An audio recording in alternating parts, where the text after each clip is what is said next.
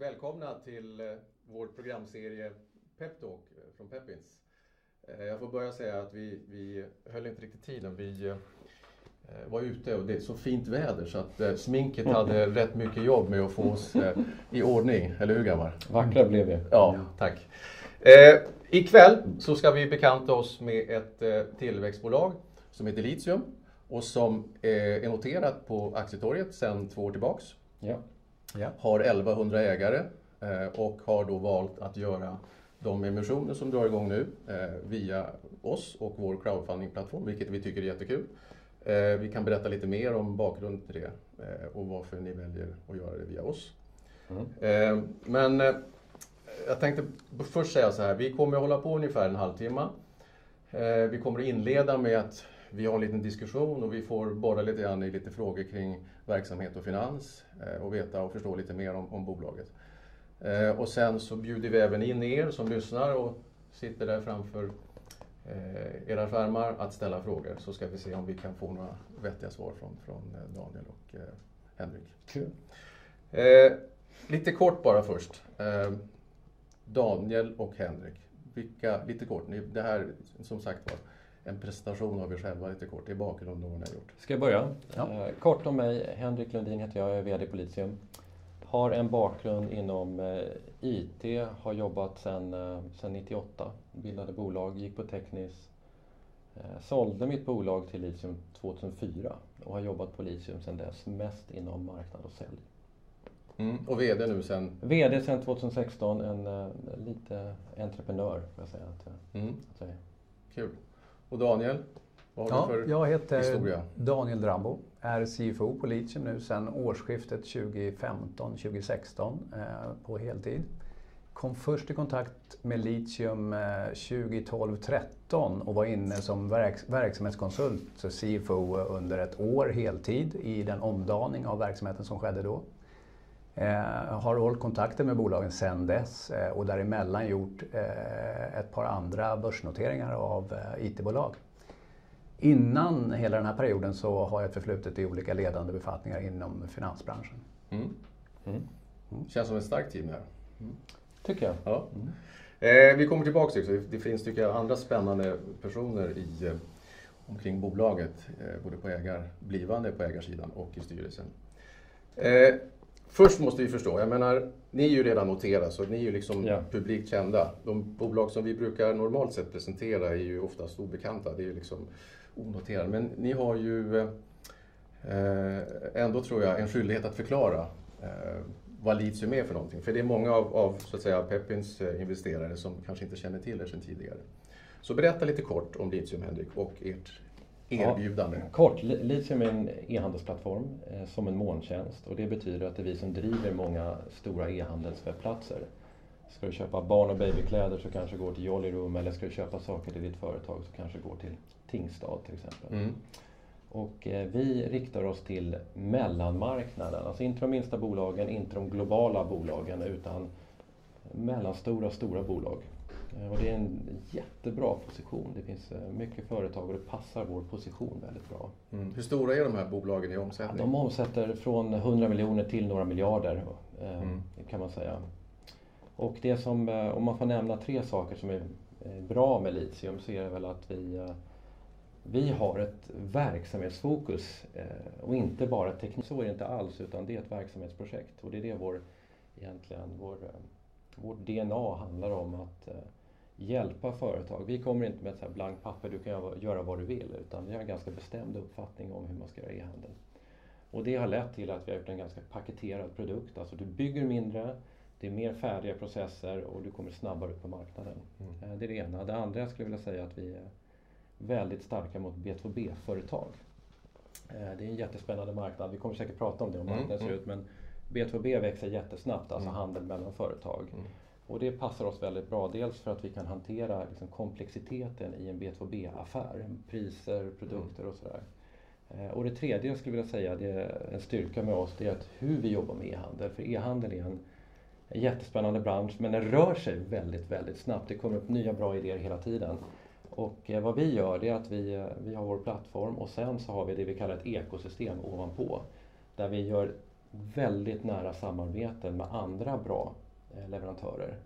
Så dels så hjälper vi kunder att välja. Då pratar vi betaltjänster? Ja, det kan vara betaltjänster, det kan vara mm, analysverktyg. Det, mm. Klarna är ett bra exempel. Till exempel. Så vi erbjuder en, en helhet tillsammans med vårt ekosystem. Och, och liksom istället för att bygga allting från scratch, det skulle ta väldigt lång tid att få ut det till kunden. Istället så kan kunden snabbt liksom få tillgång till ny funktionalitet. Och det är tror jag, ett väldigt bra sätt att arbeta i en sån här bransch som mm. rör sig snabbt. Mm. Ja, det jag började kika på er, liksom, så för mig då, litium, tänkte jag, fan litiumbatterier. Och så tänkte jag så här, kopplingen, jag menar, ni är ju på något sätt batteriet för de företag som har e-handel. Ja men vet du vad storyn är? Det är ju att det är, det är raketbränsle. Ja. Det är liksom beståndsdelen i, i raketbränsle. Ja. Och för att liksom förstå liksom hur ni, liksom, er verksamhet och hur ni engagerar er. Eh, och det är naturligtvis själv. när vi satt där i sminket så, så såg jag liksom att vi började prata om e-handel. Liksom, du triggar ju ja, som en, jag vet inte vad. Ja, ja. Du ska få berätta mer. Jag läste själv eh, en rapport, jag tror det är Postnord som går ut med de här barometern om hur eh, e-handeln växer. Det är enorma eh, tillväxtsiffror och det gäller liksom hela Norden. Eh, och dessutom så, så, uppmärksammas också mer att vi, vi har ett köpbeteende idag där vi mer och mer handlar via mobilen eh, än tidigare. Det finns också tecken på att eh, den nordiska marknaden, för ni är ju aktiva både i Norge och, och Finland, men att det finns mer och mer som pekar på att marknaden i Norden blir mer homogen idag. Eh, men det så att säga, finns ju ändå skillnader. Och min fråga eller fundering, liksom, vad är er eller din spaning när det gäller just e-handeln och hur det påverkar er? Och omsätter ni det på något sätt i någon slags eh, business intelligence, liksom, med hur ni liksom formulerar strategier för att anpassa er för den utvecklingen? Eh, ja. Det blir en lång fråga. Ja, kort svar. Kort svar. Till att börja med, det är en helt fantastisk bransch. Mm. Eh, dels för att den växer väldigt snabbt, både konsument i handeln men även ännu snabbare kanske handel mellan företag. Och sen är det så, rent krasst, alltså de målgrupper vi jobbar mot, vi jobbar mot tillverkande bolag, grossistverksamhet, mm. mm. eh, retail, alltså butiks och de som är pure players e-handel. Mm. Alla de här behöver e-handel, alltså över hela världen. Det är inte så att det är bara vi i Norden som, som kommer behöva sälja digitalt utan det här är, det är viktigt för alla. Mm. Och det gör också att eh, vi blir viktiga för kunderna. Eh, och det som har hänt hittills att eh, den digitala handeln har förändrat och lite kannibaliserat på den fysiska handeln, det är egentligen bara steg ett av det här. Det som håller på att hända nu det är att Förut så kanske man hade en fysisk kanal och så hade man sin digitala kanal. Men mm. framöver så kommer man ha många digitala kanaler. Jag kommer sälja via Facebook, Instagram mm. och kanske också Amazon och Alibaba. Och det där passar oss perfekt. För hela vårt, hela vårt tankesätt är att eh, om du säljer stegar mm. eh, så kommer du säkert sälja via via din återförsäljare precis som du gjort förut. Men du behöver ändå kommunicera mot en slutanvändare mm. och då kanske du kommer sälja i många kanaler och det är så vi har byggt upp vår, vårt erbjudande. Mm. Vet du vad? Vi ska ta nästa fråga nu. Sure. Eh, jo, eh, bolaget startades ju, eller grundades 98, så 98, ni har 20 år på nacken. Eh, det låter ju helt eh, otroligt. Men det har ju hänt en hel del på vägen. Ni har liksom fått eh, spänna om bågen lite grann. Eller ja. ladda om batterierna kanske man säger. Första steget var ju när ni gick som gick, ni var ju någon slags konsultbolag i samband med millennieskiftet där. Eh, och sen så eh, blev ni mer av ett eh, e-handelsföretag. Precis. Ja, och sen så var det en omställning här för några år sedan när det gäller liksom hela ert intäktsdriv och intäktstänket. Ska du liksom bara berätta lite kort så vi förstår? För det har ju liksom varit en liten Ja, det är, ganska, väg. det är ganska viktigt. Där. Vi firar 20 år eh, i år, det är skitkul. Eh, och vi har en lång historia. Vi började som du sa som ett konsultbolag och 2007 eh, så tog vi egentligen beslut att satsa på e-handel. Mm. Eh, och under perioden 2007 till 2013 så var vi både ett konsultbolag och utvecklade en e-handelsplattform. Mm. Och det betyder att man har full kontroll över affären, man gör allting själv men det skalar ganska dåligt. Så det vi mm. gjorde 2013 det var att vi sålde av hela konsultverksamheten, fokuserade bara på plattformen men framförallt gjorde det skalbart så att vi har många partners som är ute och mm. säljer vår produkt och ta hand om kunderna. Mm. Så att vi kan vinna många kunder och vi får liksom ett stort kontaktnät. Mm. Vi ska komma in på intäkterna eh, lite grann. Och Henrik, Daniel. nu tänkte jag låta Daniel ja. få svara. Bra. Bra. Eh, du är ju liksom eh, Rambo i, när det gäller finanserna i bolaget. Ja, det, det kan stämma. Precis. Eh, berätta lite, jag läser ju liksom på var och varannan sida, ni har något eh, uttryck som heter ARR. Eh, som verkar vara väldigt väsentligt för hur ni eh, räknar på intäkterna. Berätta lite grann och förklara. Eh, ja, ARR, det är vårt absolut viktigaste nyckeltal i eh, hur vi följer upp verksamheten. Mm. Eh, speciellt nu när vi är så tillväxtorienterade. Som står för? Eh, det står för Annual Recurring Revenue och speglar egentligen årsvärdet av våra återkommande intäkter. Och återkommande intäkter är avtalsintäkter som vi vet trillar på. Eh, vi har färdiga avtal eh, som faktureras under året och intäktsförs under året. Så när styrelsen tar budgeten inför, så att säga, eller tog den inför 2018 så visste man att det här kommer vi att nå? En ingående variabel kan man säga är ARR. Mm. Det är en bas som, och sen så lägger vi egentligen nyförsäljning ovanpå det bara. Mm. Mm. Eh, och den siffra vi till exempel redovisade nu sista mars mm. på 23,5 miljoner mm om vi bara står och går och inte gör någonting så kommer vi göra intäkter på 23,5 miljoner, säger det i stort sett. Mm. Men eh, man tar alltså inte hänsyn till tillväxt från befintliga nya kunder eller att vi skulle tappa kunder. Men som vi tuffar och går så har vi tillväxt kvartal för kvartal. Vi har haft sista 12 kvartalen tillväxt varje kvartal. Så att vi ser det som en miniminivå för mm. vad de återkommande intäkterna kommer vara. Mm. Eh, de kommer alltså vara minst 23,5 miljoner. Mm. Men med all sannolikhet högre. Mm. Vad är målsättningen att växa minst med de här ARR-siffrorna? Det är väl en 25-30 procent eller? Ja, vi har sagt nu att vi, vi ska växa 30 procent minst per år de närmsta mm. åren. Mm. Eh, och i och med att vi kommer från, en, eh, eh från att just ha dubblat dem sedan 2016 så eh, är det väldigt stor skillnad på hur mycket vi måste växa i absoluta tal. Mm. Därav den här satsningen. Eller vi ser ju mm. möjlighet att göra det här via den här satsningen. Mm. Förra året var det 37 procent tror jag. Mm. Mm. Ja, det låter som starka siffror. Mm. Eh, men, men som sagt var, ni prioriterar tillväxt. Ja. ja. Och jag menar, det innebär ju oftast att eh, bottom line så, så ser det ganska rött ut. Eller rött i alla fall. Eh, hur, hur, eh, hur kommer det se ut framöver? Jag läste någonstans att lönsamhet kommer att nås. Det vi har sagt nu är att det är fortsatt kanske ännu mer och ännu tuffare tillväxtfokus de närmsta åren. Eh, men vi har också sagt det att vi ska vara lönsamma senast 2021. Mm. Det beror på lite hur de här planerna faller ut, hur snabbt vi kan växa intäkterna. Eh, det kan vara break-even 2020 men senast 2021 så ska vi ha någon mm. typ av lönsamhet. Okej, okay. för jag menar eh, intäkterna växer mm. eh, men det gör även kostnaderna. Om man tittar på siffrorna historiskt eh, de senaste åren så har ju intäkterna förvisso växt mer än kostnaderna. Mm. Eh, men eh, de växer inte i alltför olika takt.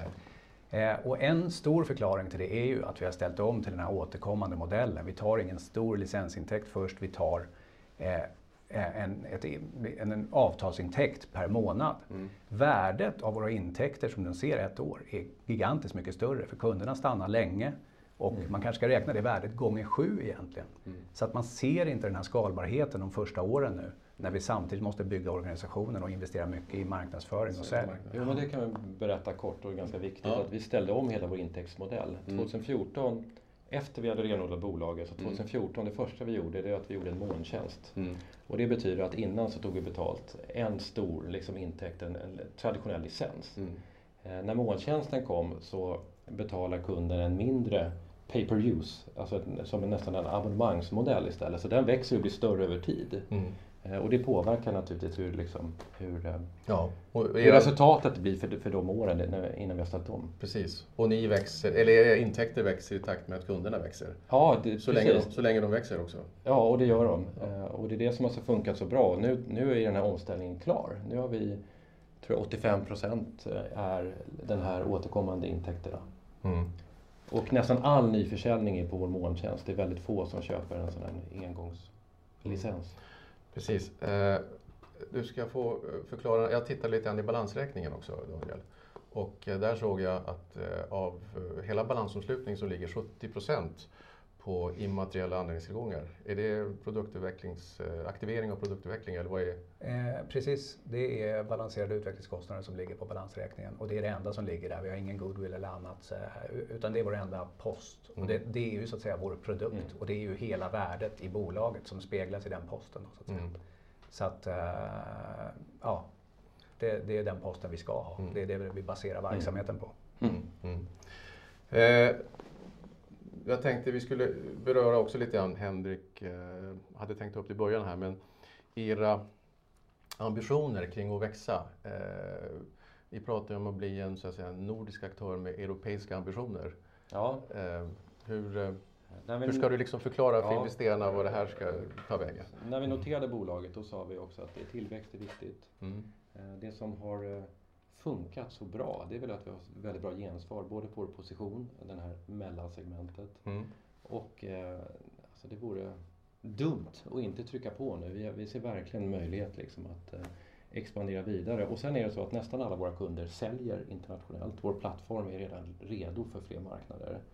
Vi har redan gått in i Norge, det Mm. går ganska bra. Och nu, har vi, eller nu vill vi liksom satsa mycket hårdare i Norge. Vi har precis börjat i Finland. Mm. Och vi tittar på en eller två andra europeiska marknader eh, under de här närmaste tre åren. Och det är för att vi ser en... Vilka eh, marknader? Ja, det, det, det kommer. Okej. Eh, Men eh, det är för att vi ser att det finns en, en, en jättebra möjlighet för oss att växa snabbare. Det är därför vi ökar ambitionsnivån också. Mm, Okej. Eh, lite grann också, eh, man vill ju veta lite grann, vad är risker med, med en sån här verksamhet? Eh, det gäller ju liksom alla företag som man Mm. investerar i.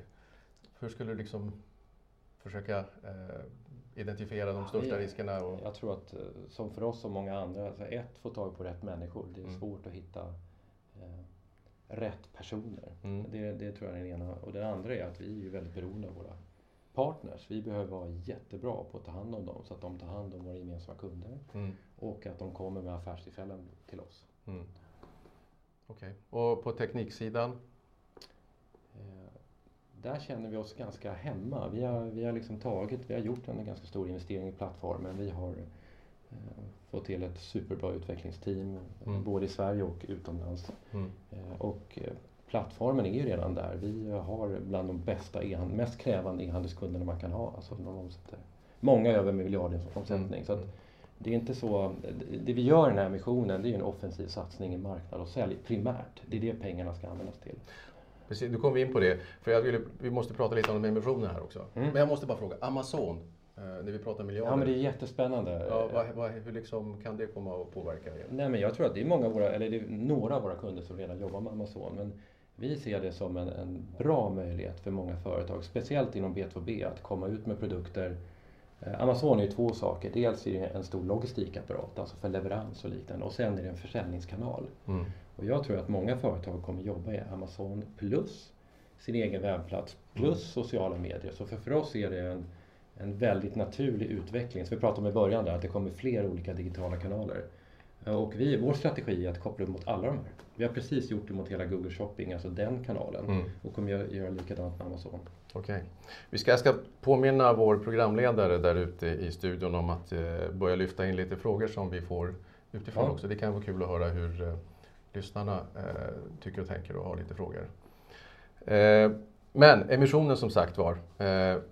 Du har sagt att ni ska använda det framförallt till att liksom fortsätta och satsa, eh, sälj och marknad och komma ut och som sagt också förbereda för den här lite mer nordiska etableringen eh, och även den europeiska ambitionen. Ja, målsättningen är jättetydlig. Vi ska bli störst i mellansegmentet i Norden. Mm. Och vi ska in på en, en stor europeisk marknad eller två. Eh, Men finns det ingen som ni konkurrerar med idag som du skulle vilja säga att ni eh, har någon, någon eh, som ni är rädda för? Eller som, Ja, men det är, man kan säga så här, det är tuff konkurrens men den är inte mördande.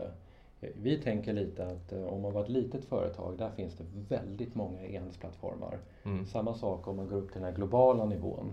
Där är det också ganska tuff konkurrens. I det här mellansegmentet så vi har en väldigt naturlig position. Vi har konkurrenter och det är ganska bra konkurrenter för de står för en helt annorlunda sak än vad vi står för. Mm. Så vi känner oss väldigt trygga och vår analys av de marknader vi tittar på det är att det är eh, precis samma läge där. Mm. Mm. Eh, emissionen som sagt var, eh, den är ju på 32 miljoner eh, med ett eh, minimimål på 26 miljoner ungefär. Just det. Varav redan det i stort sett är, säkrat. Det är helt säkrat Det är- som sagt ja. var. Eh, och det är en trygghet för, för er Mm. naturligtvis. mycket. Eh, och det är ju bland annat därför att ni har, eh, nu ser jag att det kommer in en frågeställning här också, ska vi ta den också?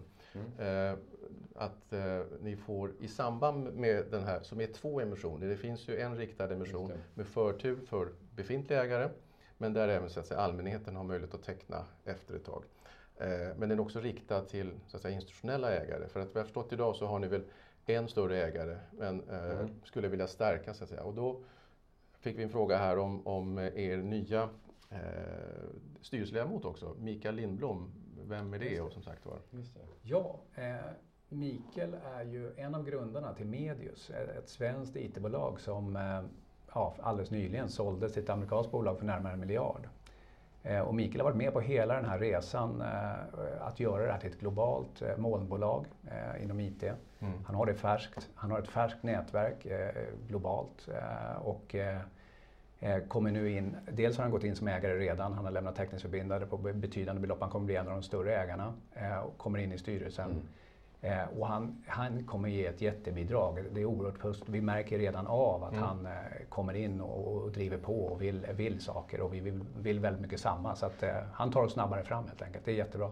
Ja, han har mm. gjort hela den här internationaliseringen, precis det vi vill göra. Mm. Fantastiskt, ja men kul. Sen så händer det ju också att det förstärks på ägarsidan i och med att ni får in eh, ett finländskt eh, fondaktie. Just det, det, det, precis. Eh, Berätta lite det låter som ett... Ja, aktie är ju fantastiskt roligt att få in. Det är mm. kanske inte så känt i Sverige men det är ju en ganska stor spelare, en finsk fondförvaltare. De mm. har någonstans 10-15 miljarder kronor under förvaltning. Eh, och det är vad jag förstår är ganska ovanligt att de går in i ett så, bolag i så tidigt läge som Litium med så litet market cap. Jag tror att vi är alltså det bolag med lägst market cap av alla deras investeringar. Eh, de är samtidigt väldigt duktiga. De har vunnit pris som bästa förvaltare av nordiska aktier mm. 2017. Eh, så det känns ju väldigt hedrande att de tror på det här, mm. tror på oss och eh, våra planer framåt. Mm. Sen har ni även på väg att få en av grundarna, eller grundarna till Evolution Gaming. Ja, det är också en av, en av två grundare då, Fredrik Österberg, som mm. kommer in. Och det är också fantastiskt. Det, det är ju, han har ju ett fantastiskt record med Evolution Gaming. Mm. Det grundades någon gång i början av 2000-talet och är ett 20 miljarders bolag. Mm. Eh, och i det här fallet, förutom liksom det, det värdet av att han tror på oss, så, så kommer han kunna bidra i, i en tillväxtresa såklart. Eh, han har ju ett otroligt starkt track, track record. Mm, mm. Eh, jag ser en fråga här också som kommer in. Det är eh, hur det kommer sig att ett bolag på Aktietorget eh, som Litium väl, väljer att gå den här vägen. Den är inte särskilt traditionell att vända sig till en, en eh, aktör som Peppins. Vi är naturligtvis Nej. jätteglada tycker mm, det, ja, det... det, Vi bryter tillsammans lite ny mark. Det gjorde vi även när vi tillsammans med Paradox hade möjlighet att erbjuda mm. täckning. Eh, men eh, hur kommer det sig att vi ja, jag tror för Litiums del, vi, vi, försöker alltid vilja vara lite annorlunda och göra saker som är nya. Vi tycker Peppins har ett uh, nytt tänk kring uh, kapitalinskaffning generellt. Mm. Eh, vi tyckte också det var attraktivt att komma åt den här stora basen av investerare eh, och en kanal mot dem eh, långsiktigt.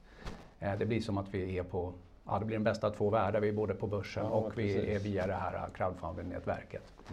Mm. Eh, så att det, det var huvudanledningarna eh, och vi är ja, nöjda så långt. Ja, jag tilltalar oss över hela idén. Jag tycker det är skitsmart. Mm.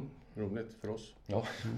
Nej, men jag tror att ja. det visar också på möjligheterna. Liksom. Framförallt handlar det om att liksom, eh, kunna eh, bredda erbjudandet. För jag menar, jag kan upprepa igen och säga liksom, emissionen som sagt var vänder sig och den har ju öppnat idag mm. med förtur för era befintliga ägare eh, som har möjlighet att teckna eh, upp till eh, 16 miljoner ja. mm. av hela emissionsbeloppet där man tecknar pro rata. Eh, jag kan passa på och påpeka också för jag vet att eh, de flesta av era ägare har ju sina, eh, sitt innehav via ISK eller kapitalförsäkring. vilket innebär att det vill man ju så att säga naturligtvis eh, fortsätta att koppla mm. sitt innehav till. Så principen är att man eh, tecknar sig eh, men betalning sker ju först efteråt. Men principen är fortfarande för när allmänheten tecknar här som vanligt hos Peppins, att det är först till kvarn som gäller. Naturligtvis har man förtur som era aktieägare har under den här perioden, då, då tecknar man så att säga enligt sitt innehav. Så jag uppmanar de som har ägande idag att kontakta sina förvaltare och därigenom kunna då eh, teckna sin andel pro rata i emissionen. Just det, men har man direkt eh, registrerad ägare till sina aktier så ska man anmäla sig på Peppins va? Exakt. Ja, just det. Så det är bara för ISK och kapitalförsäkring man ska kontakta sin förvaltare för ja. erbjudande om att teckna ja. sin proratadel? Okay. Precis. Och de direktregistrerade plus när vi öppnar upp sen för allmänheten att teckna och det blir någon gång 29 maj tror jag. Just det. Så kommer man också kunna teckna eh, via Peppins. Men man måste alltså in där och sen så sker betalning eh, efteråt. Mm. Mm. mm. Är det något annat vi vill tillägga till eh, vår publik där ute i jag, jag menar... Är det fler ett- ett- frågor? Eh, Jag kan väl bara säga att vi, eh, vi känner oss väldigt starka. Alltså dels är det en fantastiskt rolig bransch som vi sa, Mm. men även hela bolaget. Det, det har gått bra. Vi har ett starkt team och jag tycker hela Alltså det vi har presterat det senaste året har varit, eh, det har varit så roligt faktiskt. Det känns som en riktigt, riktigt rolig resa nu. Mm. Ja men absolut och det är också hur det känns i bolaget bara tre år tillbaka och nu så det är en helt annat tryck och självförtroende Ja. rakt genom hela leden. Så det, det är väldigt kul. Mm. Och ett, ett sista mm, så att säga, slutord till de som nu känner att fan, det här har ju nästan blivit lite övertygad. Vad är liksom ditt slutord till de investerare som skulle vilja investera? Ja, men häng med oss, det, det är väl det. Vi, eh, vi är på jakt efter en stark tillväxt och vi har en produkt som vi verkligen tror på. Mm. Och eh, när vi är ute och tittar på de här marknaderna som vi funderar på så finns det finns ett jättestort sug efter det erbjudande som vi har. Så vi, vi, är liksom, vi är jättenöjda med vår position Mm. mellan marknaden. Vi är jättenöjd med vårt erbjudande och vi har hittat en modell som skalar. Det har varit jätteviktigt för oss att ställa om till det här med partnermodell och att, Mm. att det är många hundra man där ute som liksom säljer och jobbar med vår produkt. Eh, Så vi, ja, vi är glada och taggade. Mm. Bra, Ja, nu kör vi. ja Vad bra. vi. Tack för att ni lyssnade. Ja, tackar. Mm. Tack! Vad bra.